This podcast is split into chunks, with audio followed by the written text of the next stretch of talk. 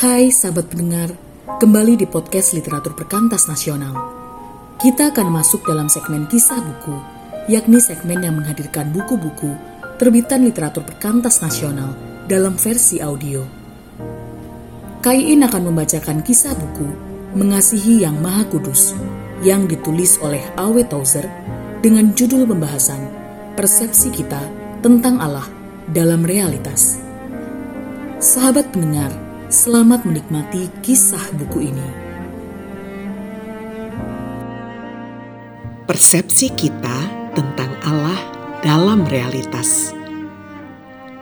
Mengalami kehadiran Allah sebagaimana telah saya katakan bukanlah sesuatu yang dapat dicapai dengan kekuatan manusia, tetapi hanya melalui kuasa Roh Kudus yang ada di dalam diri saya yang memampukan saya untuk dapat menyelami hati Allah semakin dalam saya menyelami hati Allah, atau semakin saya diperkenankan Allah, akan semakin keras musuh melawan saya.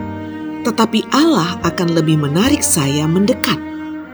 Mungkin musuh saya kuat, tetapi kekuatannya terbatas, sedangkan rahmat Allah tidak ada batasnya. Roh yang ada di dalam kamu lebih besar daripada roh yang ada di dalam dunia. 1 Yohanes 4 ayat 4. Pada hakikatnya, akal budi manusia sangat terbatas. Dan karena itu, tidak dapat membantu kita dalam pencarian akan Allah yang tidak terbatas. Akal budi mungkin membawa kita ke pintu, tetapi hanya iman yang dapat membuka pintu agar kita dapat masuk ke hadirat Allah.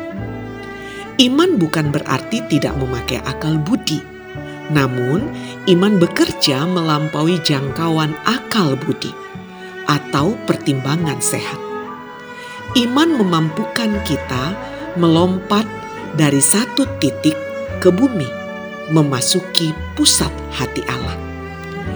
Jiwa manusia haus akan Allah.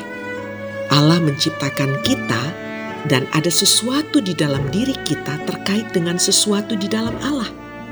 Sampai kedua hal ini disatukan, yang terjadi pada peristiwa penyelamatan masih akan tetap ada kegelisahan di dalam jiwa manusia yang tak dapat ditenangkan.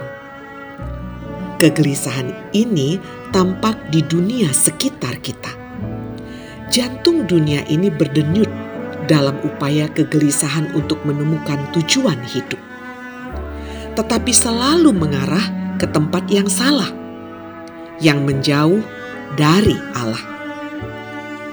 Allah menciptakan kita dengan kerinduan untuk Dia sendiri, dan peristiwa kejatuhan manusia di Taman Edenlah yang membajak kerinduan tersebut serta membuat manusia jatuh ke tingkat yang kita temukan sekarang. Hanya melalui penebusan yang dituntaskan oleh Kristus melalui kematian di kayu salib serta kebangkitannya pada hari ketiga, kita dapat dikembalikan ke dalam persekutuan dengan Allah. Itu adalah kerinduan setiap manusia. Pernyataan Paulus supaya saya mengenal Dia merupakan pekik peperangan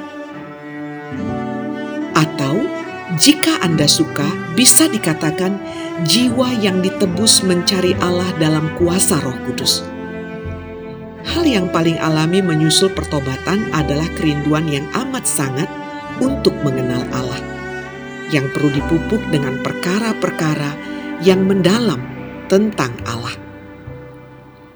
Petrus mengemukakan hal ini pada saat ia menulis, tetapi bertumbuhlah dalam anugerah dan dalam pengenalan akan Tuhan dan Juru Selamat kita, Yesus Kristus.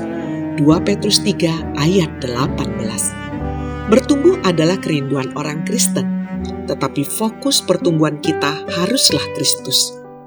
Alangkah baiknya mengetahui semua hal yang ada di sekitar kita, tetapi mengenal Kristus merupakan lambang dari semua pengetahuan.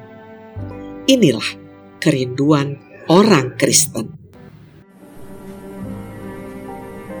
Kita sudah mendengar kisah buku Mengasihi Yang Maha Kudus yang ditulis oleh Awe Tozer.